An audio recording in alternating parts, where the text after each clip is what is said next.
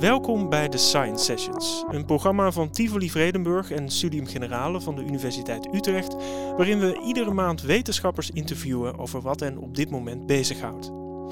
In deze aflevering kijken we naar verzet tegen de duurzame energietransitie in Nederland. Terwijl windmolens als paddenstoelen uit de grond schieten, klinkt er stevig protest. We zijn massaal voor windenergie, maar niet ten koste van ons uitzicht en onze gezondheid. Wordt er eigenlijk wel genoeg naar burgers geluisterd? En hoe betrek je iedereen bij de energietransitie? We spreken met Sanne Akerboom, politicoloog en jurist aan de Universiteit Utrecht. Sanne, welkom. Dankjewel. Goed dat je er bent. Hoe uh, gaat het met je? Prima. Mooi. We gaan het hebben over die, uh, over die energietransitie. jij bent geen klimaatwetenschapper, je bent geen energie-expert, maar je bent jurist en politicoloog. Hoe, met, met, met wat voor blik kijk jij naar die energietransitie? Dat is een een hele goede vraag. Ik matig mezelf wel aan een, iets van energie te weten. Ja. dat is wel nodig als je, als je in mijn veld werkt. Maar hoe kijk ik naar de energietransitie? Waar ik vandaan kom is klassiek: wat is de relatie tussen burger en overheid?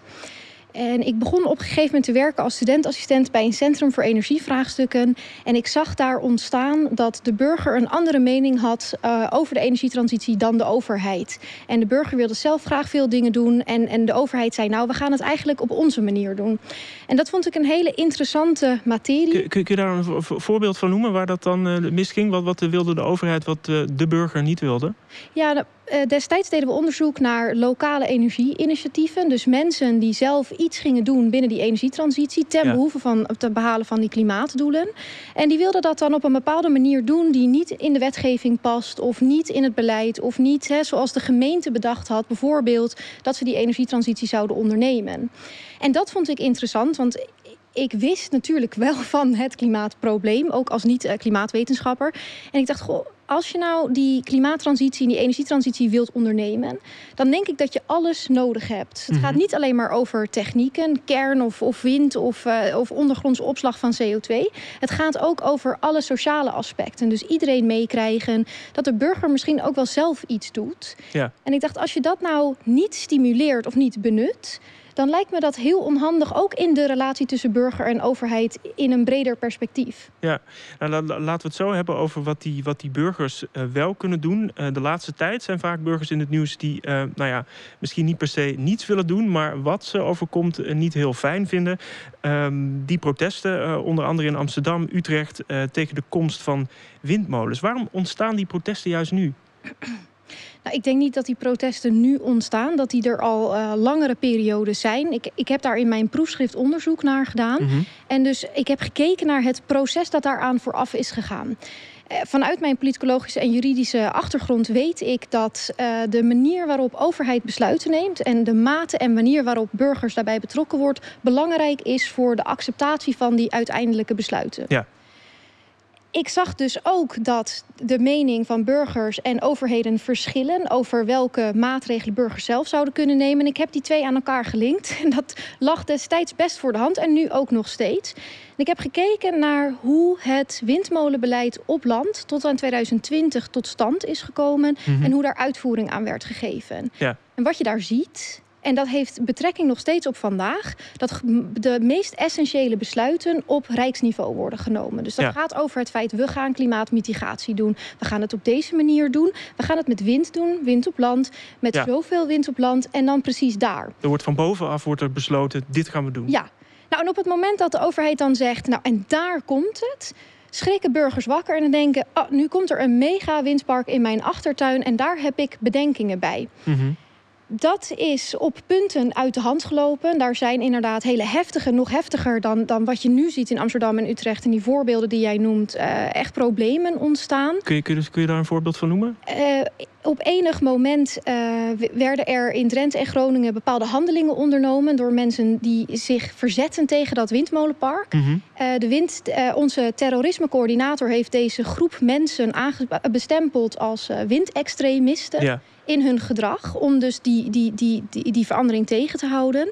En uiteindelijk zijn twee mannen daarvoor uh, onlangs veroordeeld tot een jaar gevangeniscel, uh, gevangeniscel voor het overtreden van de wet ja. in die handeling. Ja. Dus dat noem ik uit de hand gelopen. Extreem, extreem. Dat is zeker niet overal zo. Maar wat je wel ziet is dat mensen op het moment dat er een plan wordt aangekondigd in de buurt, eigenlijk gelijk op, in, in, ja, op spanning gaan staan. Hè. Ze denken, oh, het, het komt hier, het gaat hier vast niet goed. Eh, ik moet er heel erg beducht op zijn wat er nou precies gebeurt. Mm Dat komt ook omdat we dus een aantal voorbeelden hebben waar het bij heel slecht is gegaan. Dus het heeft een bepaalde spillover effect. Daardoor denken mensen, ik moet echt opletten naar wat er in mijn achtertuin gebeurt. En ik denk dat tegelijkertijd mensen echt hele reële zorgen hebben over de gevolgen van die wind in hun achtertuin of wat voor project dan ook. En dat kan je afschilderen als irrationeel of mhm. emotioneel. Maar als iemand aan jou vraagt wat zijn de gezondheidseffecten van windturbines op de lange termijn, uh, en wij komen aan met een hoog technisch rapport dat niet goed vertaald is in normale mensentaal, dan raken mensen daar alsnog zenuwachtig over. En ik denk dus dat je daar op een hele goede manier mee om moet gaan om reële zorgen weg te nemen over die windturbines. Ja, eh, dus nog, nog, nog even naar, die, naar de, wat er dan van bovenaf wordt uh, bepaald. Ze zeggen uh, dat gaan we doen op dat moment op die plek en dan schrikken mensen wakker. Dus een van de problemen is dat mensen eigenlijk niet van tevoren weten wat hen gaat overkomen. Ze moeten daar eerder over worden geïnformeerd. Ja, precies. Dus wij spreken in de politicologie over die overheidsbesluitvorming over vroegtijdigheid. Nou, dan kan je altijd twisten over wat is nou precies vroegtijdig. Ja. Want eigenlijk is het vroegtijdig op het moment dat een overheid besluit dat er iets aan klimaatmitigatie gaat gebeuren. Want dat heeft ingrijpende gevolgen. Of het nou de windturbine is, of de aardgasvrije wijk, of de elektrische, of het elektrische vervoer of de ondergrondse CO2-opslag.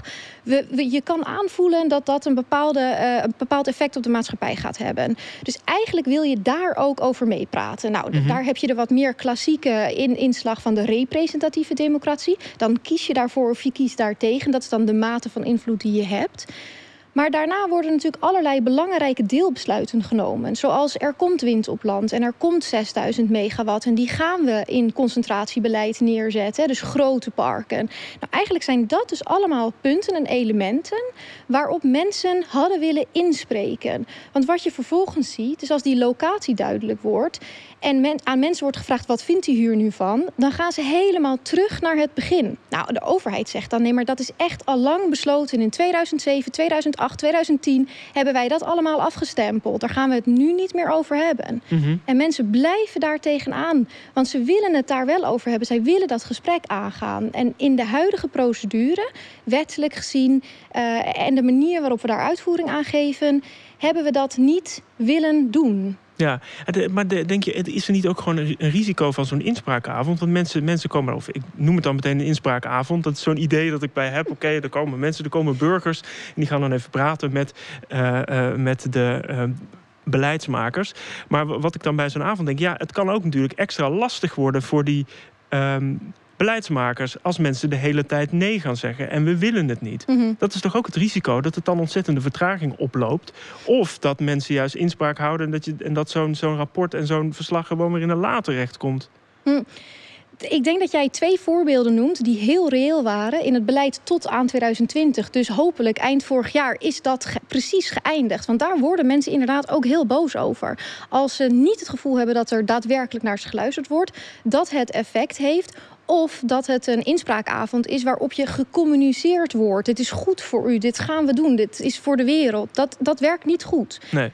Dus omdat het zoveel problemen heeft opgeleverd, hebben partijen tijdens de onderhandelingen van het klimaatakkoord met elkaar afgesproken: dit gaan we anders doen.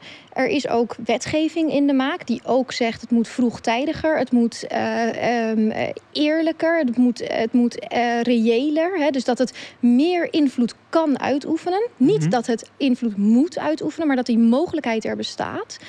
Uh, en toen hebben partijen gezegd, nou, dit is dus inderdaad heel handig. Het moet meer van bottom-up. Provincie en gemeente moeten meer aan zet zijn. Zij zijn meer in staat om de burger erbij te betrekken, staan dichter bij die burger. Dus gaan we afspreken in energieregio's. Waar komt wat, zon of wind, hoeveel en waar precies in, in die regio. En al die stappen zouden volgens meer participatieve principes, dus niet inspraak, moeten worden bepaald. Dus niet inspraak. Wat, kun je een ander voorbeeld noemen van, van niet inspraak? Ja, inspraak is dus, als ik dat nog even mag definiëren, is dat jij een conceptplan maakt. Eigenlijk de vragen die jij zo nu aan mij stelt. En dat ik dan vervolgens zeg, daar ben ik het niet mee eens. En jij zegt, maar ik ga het toch doen. Dat is een beetje inspraak. Want je kan dan zeggen, ik heb het gedaan. Dat moest ook volgens Ik heb geïnformeerd, ik heb de burgers Ja, ze heeft toch iets gezegd. Ik heb discretionaire bevoegdheid, hè, want ik zit hier, zij niet. Kijk, zij moet vragen beantwoorden, niet stellen. Nou, misschien ga ik straks nog wel een vraag stellen. nu, als ik er zo over nadenk. nee hoor. Uh, dus ja, ze heeft het er dan ook maar mee te doen. Want ik doe het voor het goede van het programma. Ja. Nou ja, dat was ook een beetje... We deden dingen voor het goede van de wereld. Ja. Uh, dat is een vorm van inspraak. Meer participatie is dus met elkaar in gesprek gaan... over wat de uitdagingen zijn... en welke mogelijke oplossingen daarvoor uh, ingezet kunnen worden. En niet alleen dat, ook welke voor- en nadelen die verschillende oplossingen hebben. En of je daar dan weer oplossingen voor kan vinden. Dus een veel integraler en holistischer beeld op mhm. er gebeurt iets in de maatschappij. Dat is een maatschappelijke opgave. Laten we dat ook een maatschappelijke oplossing zijn. Ja. En dat kan je met heel veel verschillende instrumenten doen. Er wordt nu veel gesproken over burgerfora of panels. Ja, dat was ook een voorstel van de commissie Brennick-Meijer. Die eh, stelde ook een, eh, een, een burgerforum voor. Ja, nou eigenlijk was dat de vraag. In hoeverre past een burgerforum in het huidige landschap? Daar gingen nog twee vragen aan vooraf. Hoe gaat het nu met participatie en waar kan er verbeterd worden? En, en daarover hebben ze gezegd, ja, daar hebben we niet de tijd voor, dus daar gaan we geen antwoord op geven. Maar een burgerpanel is een goede aanvulling. Ik kijk daar anders naar.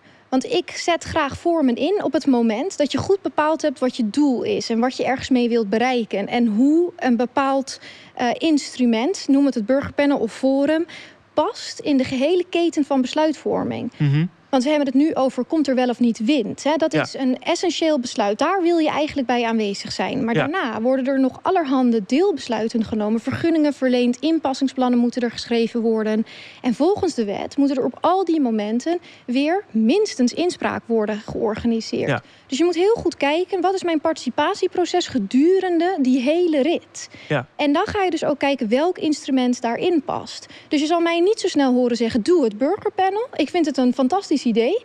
Maar ik zou het niet als nu de winnaar uitkiezen van het participatiepalet. nee, maar je noemt dus eigenlijk dat, dat 2020 dat dat een soort van kantelpunt is. Nou, we zitten nu al in het 2021. Het was natuurlijk een beetje een raar jaar.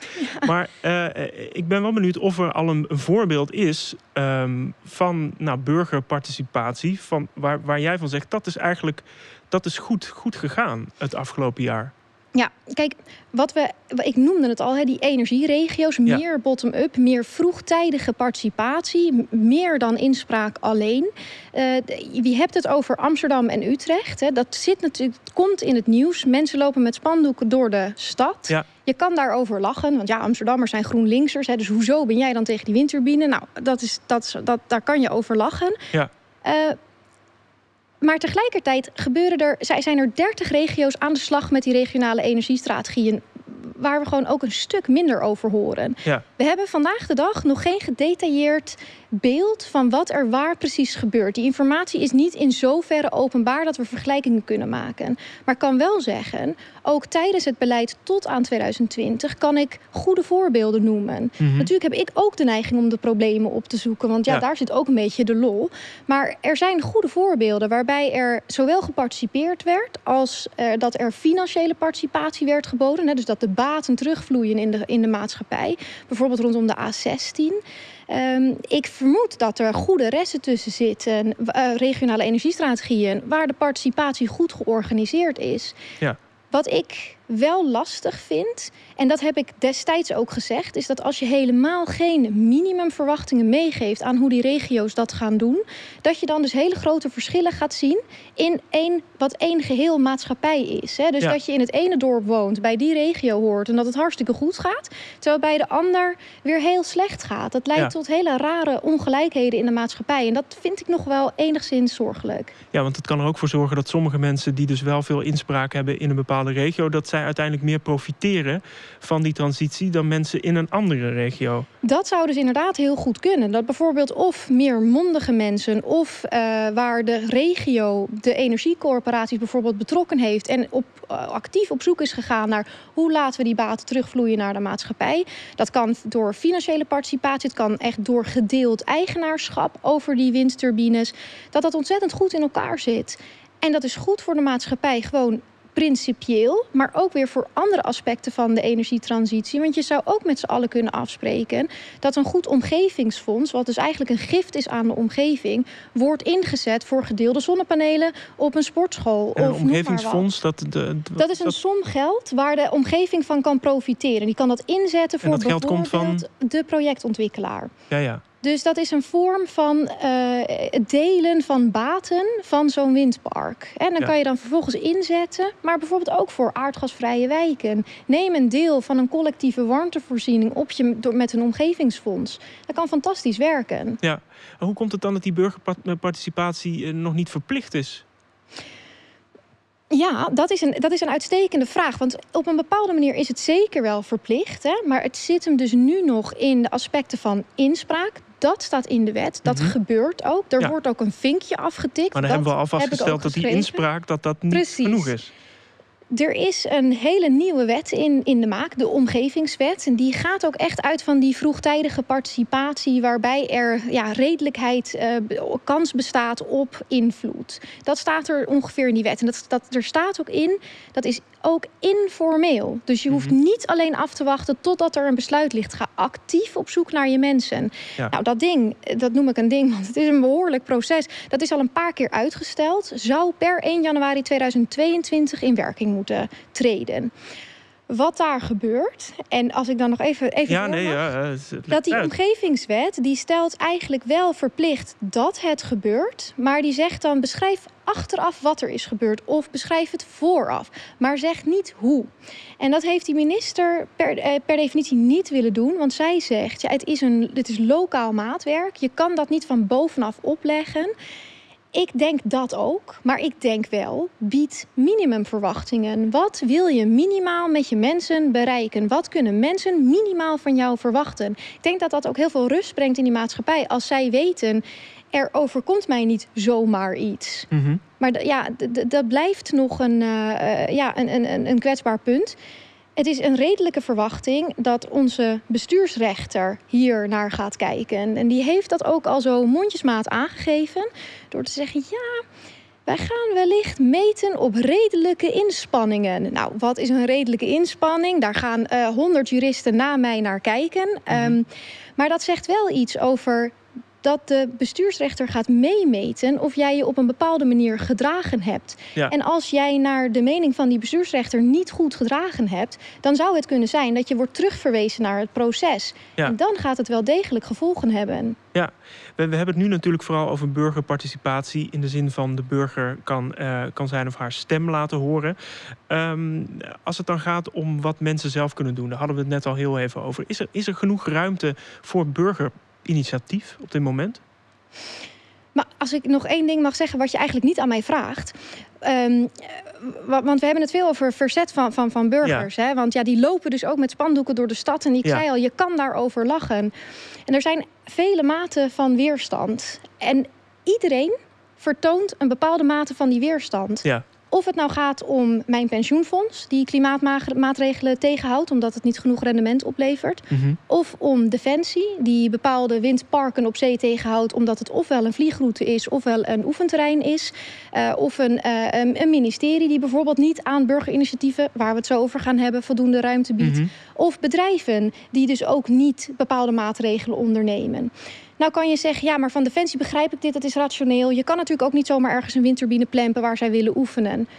Maar iedereen vertoont iets van weerstand. Als je het alleen aan burgers zou kunnen wijten dat er weerstand is, dan zou de energietransitie een heel stuk verder zijn. Dus ik wil ook niet alleen maar burgers. Uh, en, en dat vind ik zelf heel belangrijk. Hè, dat we ze dus niet wegzetten als. Nou, het zijn zulke vertragers. of ze zijn zo irrationeel of zo emotioneel. Zij hebben vragen over een transitie. Mhm. Ondanks dat ze daar misschien wel achter staan, willen ze dat het op een bepaalde manier verloopt. Ja. En die bepaalde manier van verlopen, hè, dat is dus bijvoorbeeld dat ze zelf beschikking hebben over wat er gebeurt. Dat ze zelf voldoende maatregelen kunnen nemen om zelf ook vooruit te komen. Ja. dus wat kunnen mensen zelf doen? Nou, we hebben in Nederland 600 energiecoöperaties. Die uh, leggen samen zonnepanelen neer. Die hebben windmolenparken opgezet. Het grootste coöperatieve park staat in Zeeland. Die heeft 34 turbines.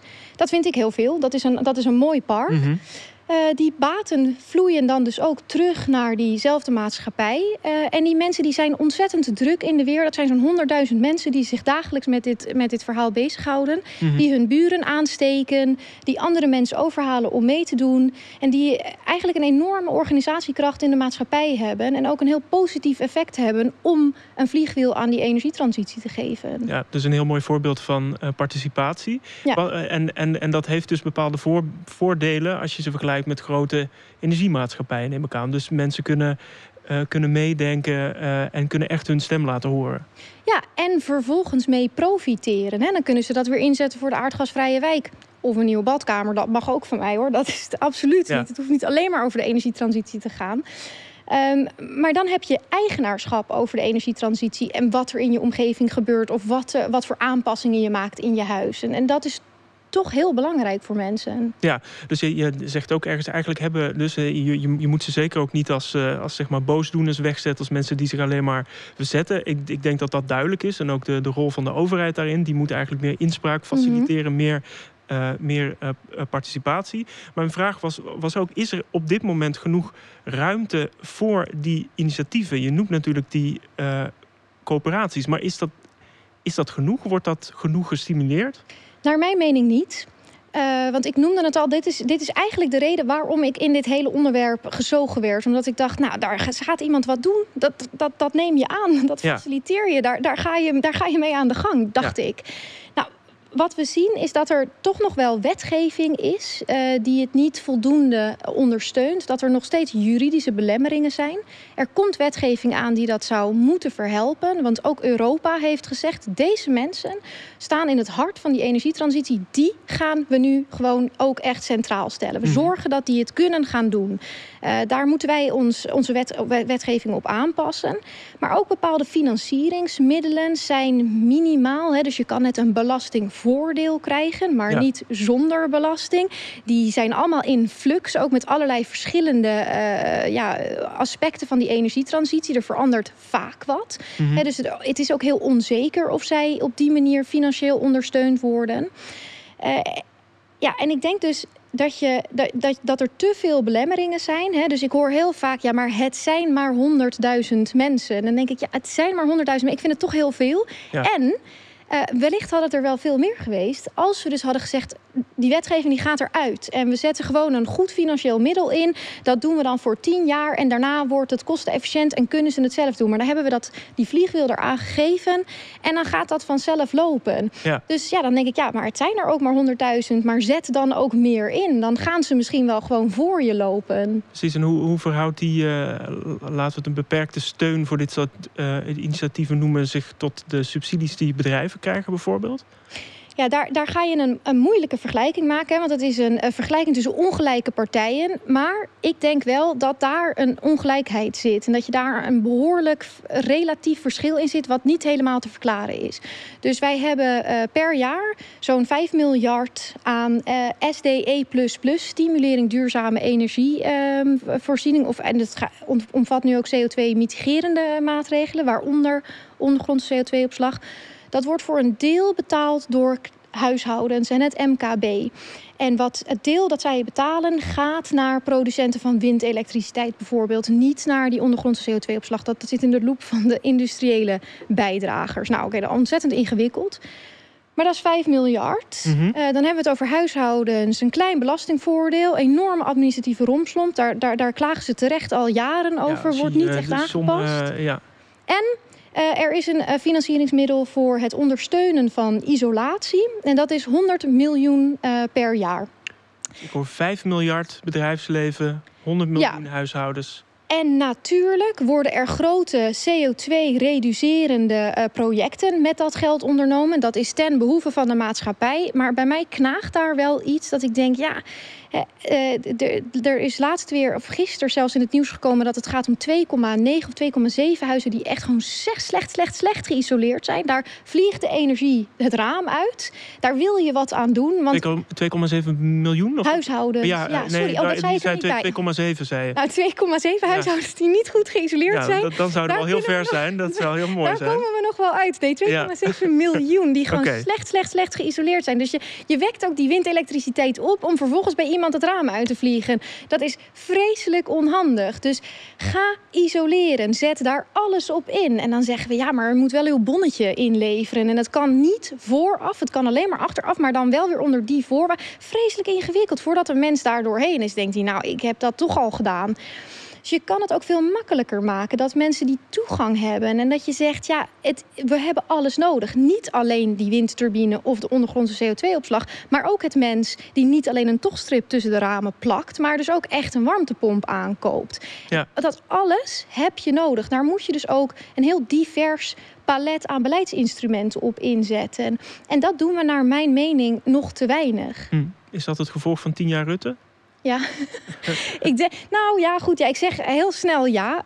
Um, ja, ik denk uh, dat dat daar zeker mee te maken heeft dat er een tendens is geweest om bedrijfsleven te faciliteren. Ik was laatst toch ook wel weer verbolgen over het belang van commerciële testbedrijven, waarvan ik toch een beetje dacht, goh, nou dat laat het wel weer zien. Uh, het is niet slecht om het bedrijfsleven te ondersteunen, maar de balans is wel een heel klein beetje kwijt. Ik denk soms wel eens, nou misschien moeten we alle huishoudens ook een aandeelhouder geven. Die gaat dan of inderdaad vragen om duurzaamheid of het tegenhouden. En dan zijn we misschien wel met z'n allen verbolgen over dat feit. En dan gaat Rutte misschien wel wat harder lopen. Ja, ja je, noemt hier natuurlijk al een, al een uh, ongelijkheid tussen bedrijven en tussen huis, uh, huishoudens. Het is een andere ongelijkheid waar ook over wordt uh, gepraat. En dat is uh, de vraag: komt de rekening straks niet te veel bij mensen terecht die het misschien wel helemaal niet goed kunnen betalen? Uh, zie, zie jij daar ook een risico? Ja, um, energiearmoede is een concept dat dus verklaart dat een bepaald deel een of een te groot deel van het besteedbare inkomen aan de energierekening opgaat. Ja. En dan leid je aan een bepaalde vorm van energiearmoede. En wat voor percentages zijn dat?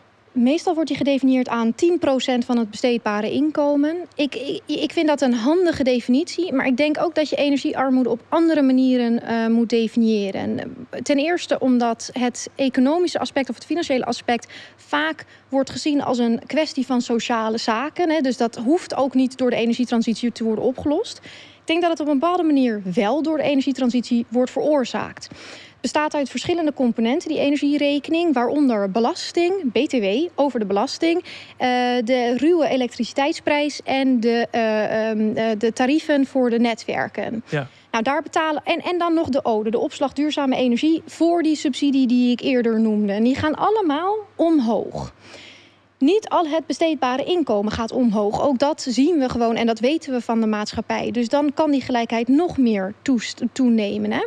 Uh, daarvoor hebben we gezegd, nou, een klein deel van huishoudens en MKB gaat naar die SDE subsidie. Grote bedrijven gaan een groter deel betalen. Nou, dus daar gaat een, een, een, verhouding, een betere verhouding ontstaan. Maar toch weten we dat tot 2030 die ode gaat stijgen, de belasting gaat stijgen. Want we moeten ook van het aardgas af. Dus die wordt uh, gestimuleerd om, om, om hoger te worden, zodat het minder aantrekkelijk wordt. Nou, dus hè, noem maar op. En we weten dat het besteedbare inkomen van niet alle mensen omhoog gaat. Dat is het financiële component van energiearmoede. Ik vind het van het niet-financiële of het meer sociale component van energiearmoede dat mensen dus geen uh, eigenaarschap hebben of geen beschikkingsvermogen over die energietransitie of over hun huis. Mhm. Als jij in een lek uh, huurhuis woont, dan ga jij meer aardgasbelasting betalen. Maar heb jij niet het eigendom om te zeggen: ik zet die warmtepomp daarin, want ik ga meer betalen. Dat heb je niet. Je kan hoogstens dus zo'n tochtstrip ophangen, maar dat gaat je niet weerhouden van een hogere energierekening. Dus dan moet je daarvoor andere instrumenten inzetten. Dan moet je zeggen, nou, we gaan die huishoudens isoleren. Of we gaan ze gelijk helemaal doen. Weet je, dat je er in één keer vanaf bent. Koeling, geen aardgas meer, warmte. Nou, helemaal fantastisch. Maar prioriteer dat. Erken dat dit dat soort gevolgen kan hebben. En pas je daarop aan. Zet daar instrumenten op in. Ja, um, we hebben natuurlijk nu uh, uh, bijna hopelijk ooit een keer een, nieuw, uh, een nieuwe regering. Ehm, stel, jij zou daar minister worden gemaakt, een nieuwe minister van de energietransitie. Wat, wat is het eerste dat je zou doen? Ik zou mij meer focussen op het diversificeren van onze meetpunten. De manier waarop wij nu klimaatbeleid voeren is op twee belangrijke punten. Het reduceert CO2. Nou, natuurlijk, dat, daar gaat niemand tegen in. En het gaat tegen kostenefficiënte maatregelen. Dus ook mhm. een beetje hetgeen wat we kunnen betalen. Er zit heel veel in die energietransitie wat we niet kunnen betalen. Waar we klassiek overheidsgeld voor nodig hebben om het wel betaalbaar te maken. Ja. Ik zou daaraan andere meetpunten toevoegen, zoals de eerlijke energietransitie of maatregelen met de hoogste toegevoegde waarde voor de maatschappij. Dan kan je heel anders gaan beoordelen. Dan kan je ook gaan zeggen, nou, dit was wellicht een eerlijkere oplossing geweest, maar nu kunnen we echt niet anders. En bij alle andere keren kies je voor de hoogst toegevoegde waarde of de meer eerlijke oplossing. En ik zou mij ook niet zo vreselijk bang maken voor ofwel conflicten in de maatschappij over die energietransitie, of het nou met defensie is of met burgers. Mhm. Ehm, maar ik zou veel meer sturen op wat is eerlijk? Hoe kan ik me aanpassen? Waar gaat het niet goed? Hoe, hoe kan ik dat weer oplossen? Het is constant passen en meten, leren en aanpassen. Het is niet een platgeslagen proces waarbij je kan zeggen: vandaag staan we hier, in 2050 staan we daar en dus gaan we daar zo doorheen. Nee, dat zal een beetje zo en zo en dat gaat helemaal chaotisch. Ja, laat dat maar gebeuren. Maar zorg dat je daarop kan aanpassen. Ja, nou Rutte, als je kijkt, Sanne Akerboom. Ehm, er zijn inmiddels ook wat uh, vragen binnengekomen van, uh, van de kijkers. Um, Gerard uit Utrecht die vraagt: Wat is de ideale oplossing voor de energietransitie, naar jouw mening, als er geen burgers in de weg zitten? Dan is er geen klimaatverandering, denk ik. Maar als er geen burgers zouden zijn. Nee, ja, goed, uh, dat is een. Dat vind ik een hele fundamentele vraag waar ik heel hard over na moet denken. Als er geen burgers in de weg zouden zitten, wat zou ik dan de ideale oplossing vinden? Ja. Nou, van mij mogen die burgers er best zijn. Uh, want zoals ik al noemde, ik denk dat daar oplossingen voor zijn die we kunnen inzetten. En dat je dan dus ook niet meer bang hoeft te zijn dat burgers in de weg zitten. Laat dat dan mijn antwoord zijn. Mm -hmm. En ik zou dus niks uitsluiten. We kunnen niks uitsluiten. Niet van sociale innovatie, niet van technologische innovatie. Je moet alles tegelijkertijd doen. Je moet goede discussies gaan voeren over kernenergie, over ondergrondse CO2-opslag, over biomassa. Wat wanneer in te zetten? Wat is dan het meest optimale? Hoe komen we tot een goede waterstofvoorziening, een realistische waterstofvoorziening? Um, en hoe zetten we beter ons overheidsgeld in? Maar het vervelende ervan is van zo'n antwoord is: je moet alles, je moet echt alles doen. Ja, maar ik vind het ook wel opvallend dat je zegt... Uh, als je het goed doet, dan hoef je ook eigenlijk niets van burgers te vrezen. Is, is dat niet te optimistisch? Oh, nee, ja, dat is ook waar. Dat is een belangrijke nuance. Want straks wek ik de indruk dat als je inderdaad uh, alles doet wat ik mogelijk maar zeg... En dat, dat, dat kan ik me nog wel voorstellen... dat, dat dan niemand in opstand komt. Maar dat, dat, dat is dan denk ik ook weer niet zo conflicten gaan er komen. Daar maak ik me in die zin niet zo heel veel zorgen over. Of het nou de burger is met het spandoek, dat we zien... of een mhm. conflict dat we niet zien. Die conflicten die gaan er echt wel komen. Uh, er, er moeten nog heel veel belangrijke maatregelen worden genomen. Het, gaat, het is denk ik belangrijker voor de democratische rechtsstaat hoe je met die conflicten omgaat, hoe je die gebruikt. Ga je naar mensen luisteren? Waarom zit dat conflict er? Kan je dat nog oplossen? Kan je dat echt niet oplossen? Daar gaat het denk ik om. Maar niet om het voorkomen, het willen voorkomen van het conflict. Want dat is denk ik een hele lelijke boodschap. Maar ik weet, denk niet dat dat kan. En dat hoort ook wel bij de democratie, zou ik zeggen. Eigenlijk. Nou ja, ja. ja. Um, Louise Terner-Daly. Bijvoorbeeld in Utrecht is er nu nog veel verzet en de besluiten over het energiepark zijn genomen. Wat zou er nu nog kunnen gebeuren om de transitie beter te laten verlopen? Financiële participatie en mee laten doen. Hè. Dus kijk, als het besluit al is genomen, uh, dan zou het overigens nog steeds kunnen dat het uiteindelijk niet doorgaat, omdat bijvoorbeeld de weerstand echt gewoon uh, extreem ontknalt. Dan wil je daar misschien nog wel even over nadenken. Maar laat Utrecht of echte omwoners daarvan mee profiteren. Uh, dat ze niet alleen het gevoel hebben de lasten ervan te hebben, maar dat ze ook de lusten daarvan hebben. Dat kan dus door verschillende vormen van financiële participatie. Let op de extra kwetsbare mensen. Hè? Dus diegene die geen financiële participatie kan aankopen, omdat hij de portemonnee daar niet voor heeft, geef er een zetje weg. Zorg dat die mensen in die wijk niet op een nog grotere afachterstand komen te staan. En dat zou ik ook aan gemeenten willen meegeven. Is dat als je gaat beslissen beslissen over zo'n windmolenpark. Of provincies of het Rijk, dat hangt er een beetje vanaf. Kijk dan ook naar dat soort meer sociale aspecten. Ja, ze kunnen niet zeggen, je doet het niet, dus daarom gaat het niet door. Maar ze kunnen zeker wel sturen op wat volgens mij gewoon doelen en taken van de overheid zijn. Ja, dus uh, mensen die, zich, uh, die niet het geld hebben om zich zeg maar, in te kopen, die kun je helpen om zich alsnog in te, in te kopen. Dus een soort van aandeel te geven daarin. Ja, en dan, dan, dan vloeit dat binnen bij hen. Dat helpt hen heel erg. Misschien gaan ze dan weer iets voor iets anders inzetten op het duurzaamheidsgebied. Maar dan ontstaat er niet een groter verschil tussen mij, ik kan het niet, en jou, jij kon het al. En jij hebt er nog meer profijt van. En ik, word daar, raak daar op nog een grotere achterstand van. Precies, en dan is het dus eerlijker ja, dus hè, die eerlijke energietransitie, dat er relatieve verdeling is tussen lusten en lasten. En dat we erkennen op wie het een negatief effect heeft. En dan vervolgens daar oplossingen voor proberen te vinden. Dat is denk ik essentieel. Ja. Uh, vraag van Ron Pothuizen. Is de RES democratisch? En de RES, daar hebben we het net over gehad. Dat zijn dus die, die regionale, die regio's die uh, bepaalde plannen moeten maken. Ja, Kijk, democratisch is. Uh, daar, daar gaat nu heel veel discussie over. Deze samenwerking is eigenlijk in de Nederlandse rechtsstaat. Dus de scheiding tussen uh, de trio's politica. en een, een vreemde eend in de bijt. Wel. Uh, het is een samenwerking die eigenlijk bestuurlijk is. En daarna moet het nog democratisch worden afgestempeld. Dus dan gaat het nog de raden in, bijvoorbeeld. En provinciale staten en dergelijke. Dus er worden plannen gemaakt door die regio's. Ja.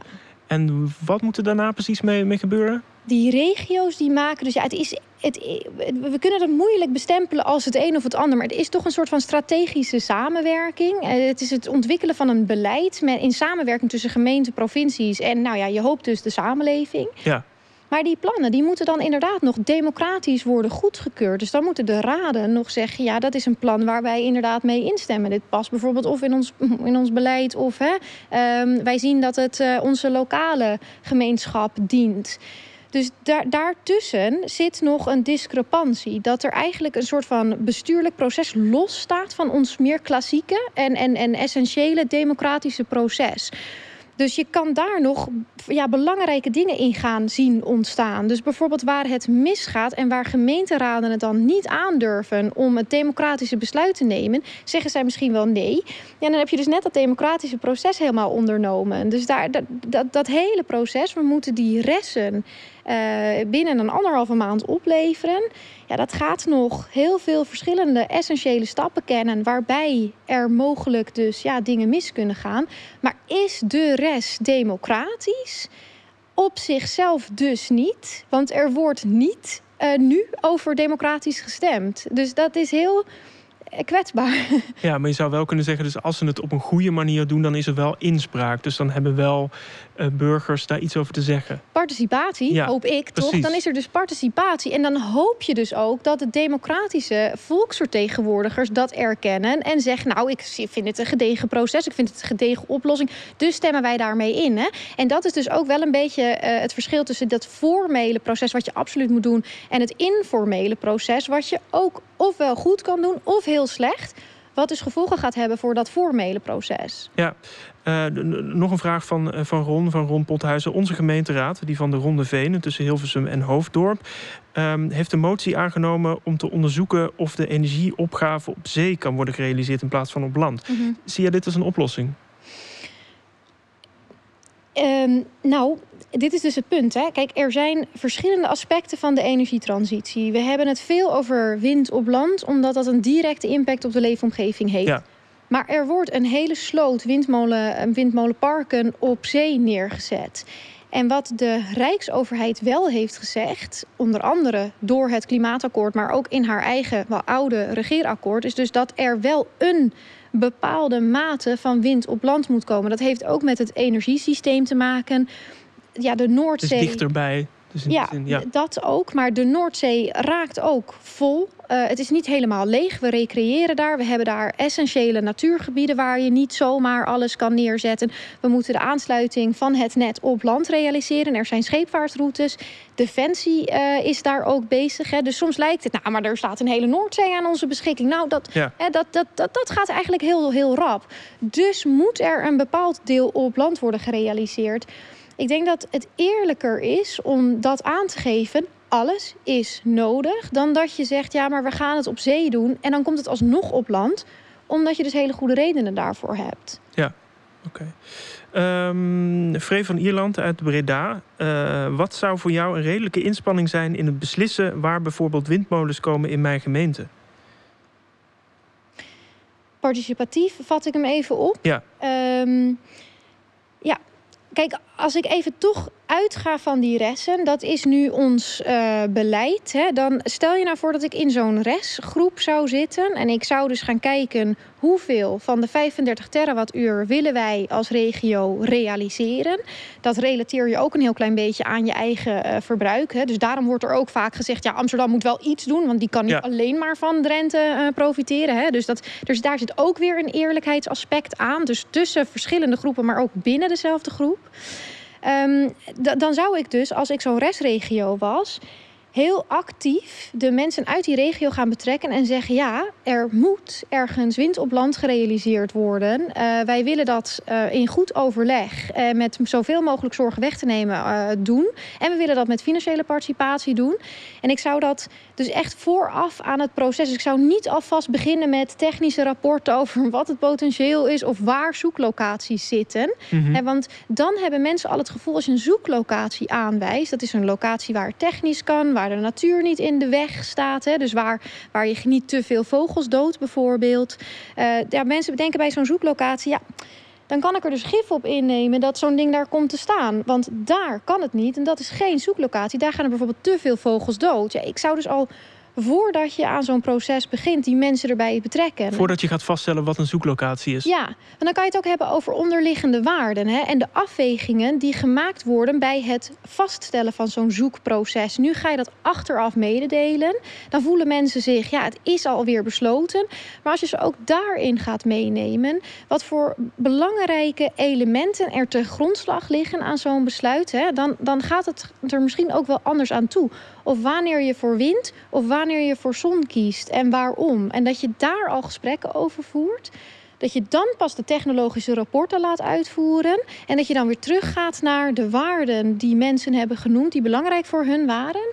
Die gaan we uiteindelijk ook weer in die uh, technologische opgave inbrengen. Ja. En dan heb je het, denk ik, veel vroegtijdiger en met echt oog voor die lokale waarden ingestoken. Ja, dus uh, ik probeer me dat voor te stellen. Je bent met, met allerlei mensen bij elkaar, burgers, andere partijen, uh, denken na over een bepaald gebied in de nabijheid van Breda, waar het eventueel zou, zou kunnen. Je gaat dan ook vragen, maar hoe gebruiken wij deze, deze ruimte? Misschien zegt Vree wel, nou, ik ga daar heel vaak wandelen en je hebt daar fantastische vogels. Um, dan kun je er dus voor kiezen om daar misschien wel zonnepanelen uh, neer te zetten in plaats van windturbines. Dat kan een soort van nou ja, een, een hele simpele manier zijn waarop je tot andere beslissingen kan komen. Ja. Ik denk dat jij zo'n participatie. Ja, nee, het lijkt me ook hartstikke leuk hoor. In plaats van vragen aan mij te stellen. Nee, ja. maar bijvoorbeeld inderdaad, dan zien mensen, het is niet alleen aan me gevraagd en, en dus niet achteraf. En vervolgens gebeurt daar ook wat mee. Dat lijkt ja. me een hele prettige samenwerking. Nou, Vree, dat. Uh... Ik kom naar Breda. Um, uh, vraag van uh. Wat is de rol van vervuilende industrieën in de energietransitie? Betalen die voldoende mee? Dat is, een, uh, dat is de vraag. Um, de, voor de industrie gelden er verschillende instrumenten, zowel subsidie uh, als een aantal prikkels om van het onduurzame gedrag af te komen. Um, die zijn nu sterk in opkomst. Dus er is bijvoorbeeld een uh, CO2-belasting uh, ingevoerd voor grote bedrijven die, die veel CO2 uitstoten.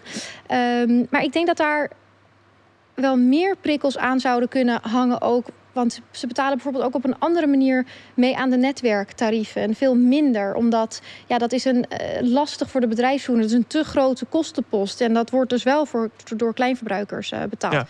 Bijvoorbeeld datacenters, daar wordt heel vaak van gezegd... ja, die zijn hier voor de groene elektriciteit... maar die zijn hier omdat ze niet aan de netwerktarieven meebetalen. En dat ja. is een enorme uh, uh, gratis uh, ja, deelname aan, aan, ons energiesysteem. Daarom zijn ze hier. Dus ook daar zet je instrument in waar je iets wilt bereiken. De industrie heeft ook een aantal voordelen gekregen. Bijvoorbeeld kleine belastingvoordelen. Als ze bepaalde energie-efficiëntiemaatregelen zouden invoeren. Ehm, dat hebben ze niet altijd gedaan. Dat is niet altijd even effectief geweest. Hè. Dus daar valt ook echt wel terecht kritiek op uit te oefenen. Ja, en er, je kan het dus heel goed hebben over die relatieve gelijkheid tussen de subsidie die er verstrekt wordt aan hen en dus niet aan, aan, aan kleinverbruikers. Ja dat gaat denk ik ook wel veranderen hoor, dat de industrie. Uh, want ja, ze, ze, ze, weten het. Uh, ze zitten natuurlijk echt wel op het, uh, ja, op het matje ook. Um, maar ook daar denk ik, daar kan je meer gediversifieerde maatregelen inzetten om, om, om verschillende type doelen te bereiken. Ja, nee, en, misschien niet per se vervuilend, maar ik moet bijvoorbeeld ook denken aan die, aan die datacentra die dan in, in Groningen staan van Google, geloof ik. Die slurpen mm. natuurlijk heel veel, heel veel energie, maar betalen niet per se belasting. Nou ja, ja, kijk, dat zijn allerlei politieke besluiten die je dus nog kan nemen. Hè. Als jij als, als politiek zou besluiten, die datacenters die hoeven wij niet per se. Of voor bijvoorbeeld het, ja, de consumptie van onze eigen data. Hè, dat je nog zegt van nou, we hebben natuurlijk, ja, we, we doen eraan mee. Maar als je dat niet langer wilt, dan moet je inderdaad een andere belasting gaan heffen. En je moet ze laten meebetalen aan die netwerktarieven. En dan ziet, ziet het vestigingsklimaat voor dat soort bedrijven er in Nederland onmiddellijk heel anders uit. Ja. En dan kan je dus, ja, daar moet je dus heel gericht instrumenten inzetten op het doel dat je wilt bereiken. Nu gaat het dus vaak over groene elektriciteit die hier zo goedkoop is. Maar dat is niet waarom ze hier zijn. We gaan uh, naar de laatste vraag van uh, Jasper. Welke landen in Europa doen het goed op het gebied van de energietransitie, zowel qua voortgang als qua betrokkenheid van burgers? Hm. Wij kijken traditioneel als vergelijkingsmateriaal naar de Scandinavische landen. Uh, Denemarken en Noor uh, Zweden zijn hele goede inspiratiebronnen voor ons, ook qua warmtetransitie. Uh, Denemarken heeft al in de jaren 70 besloten vanwege de oliecrisis om die olie uit te faceren in hun huishoudelijke warmtevoorziening. Mhm. Dat proberen wij nu met aardgas te doen en dan in een hele korte periode. Dus zij zijn al 50 jaar bezig. Wij gaan het hele ding in 30 jaar doen. Daar gaat het heel coöperatief. In Denemarken zijn er heel veel coöperatieve warmtebedrijven. Dus weer, hè, wat kunnen burgers doen? Nou, in Denemarken best wel hele leuke dingen.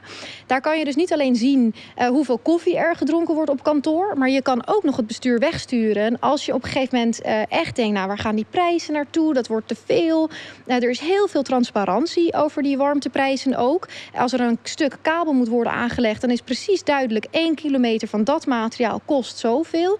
Dat soort zaken doen wij in Nederland nog niet. Uh, dus wij pleiten ook voor veel meer transparantie over die daadwerkelijke kosten. Nou, Zweden doet het wat dat betreft ook goed. Uh, Duitsland heeft natuurlijk die ener energiewende uh, goed gedaan, maar loopt ook wat terug in, in voortgang. Ook daar ontstaat meer weerstand. Italië heeft haar doelstelling voor hernieuwbare mm. energie gehaald. Ik denk dat er heel veel goede Klink, voorbeelden zijn. Klinkt een beetje als uh, alle landen behalve Nederland. nou, wij lopen wel een beetje dramatisch achter, helaas. Ja, nee, op dat, op dat punt, want wij halen andere doelstellingen wel. Dat moet ik er eerlijkheidshalve wel bij zeggen.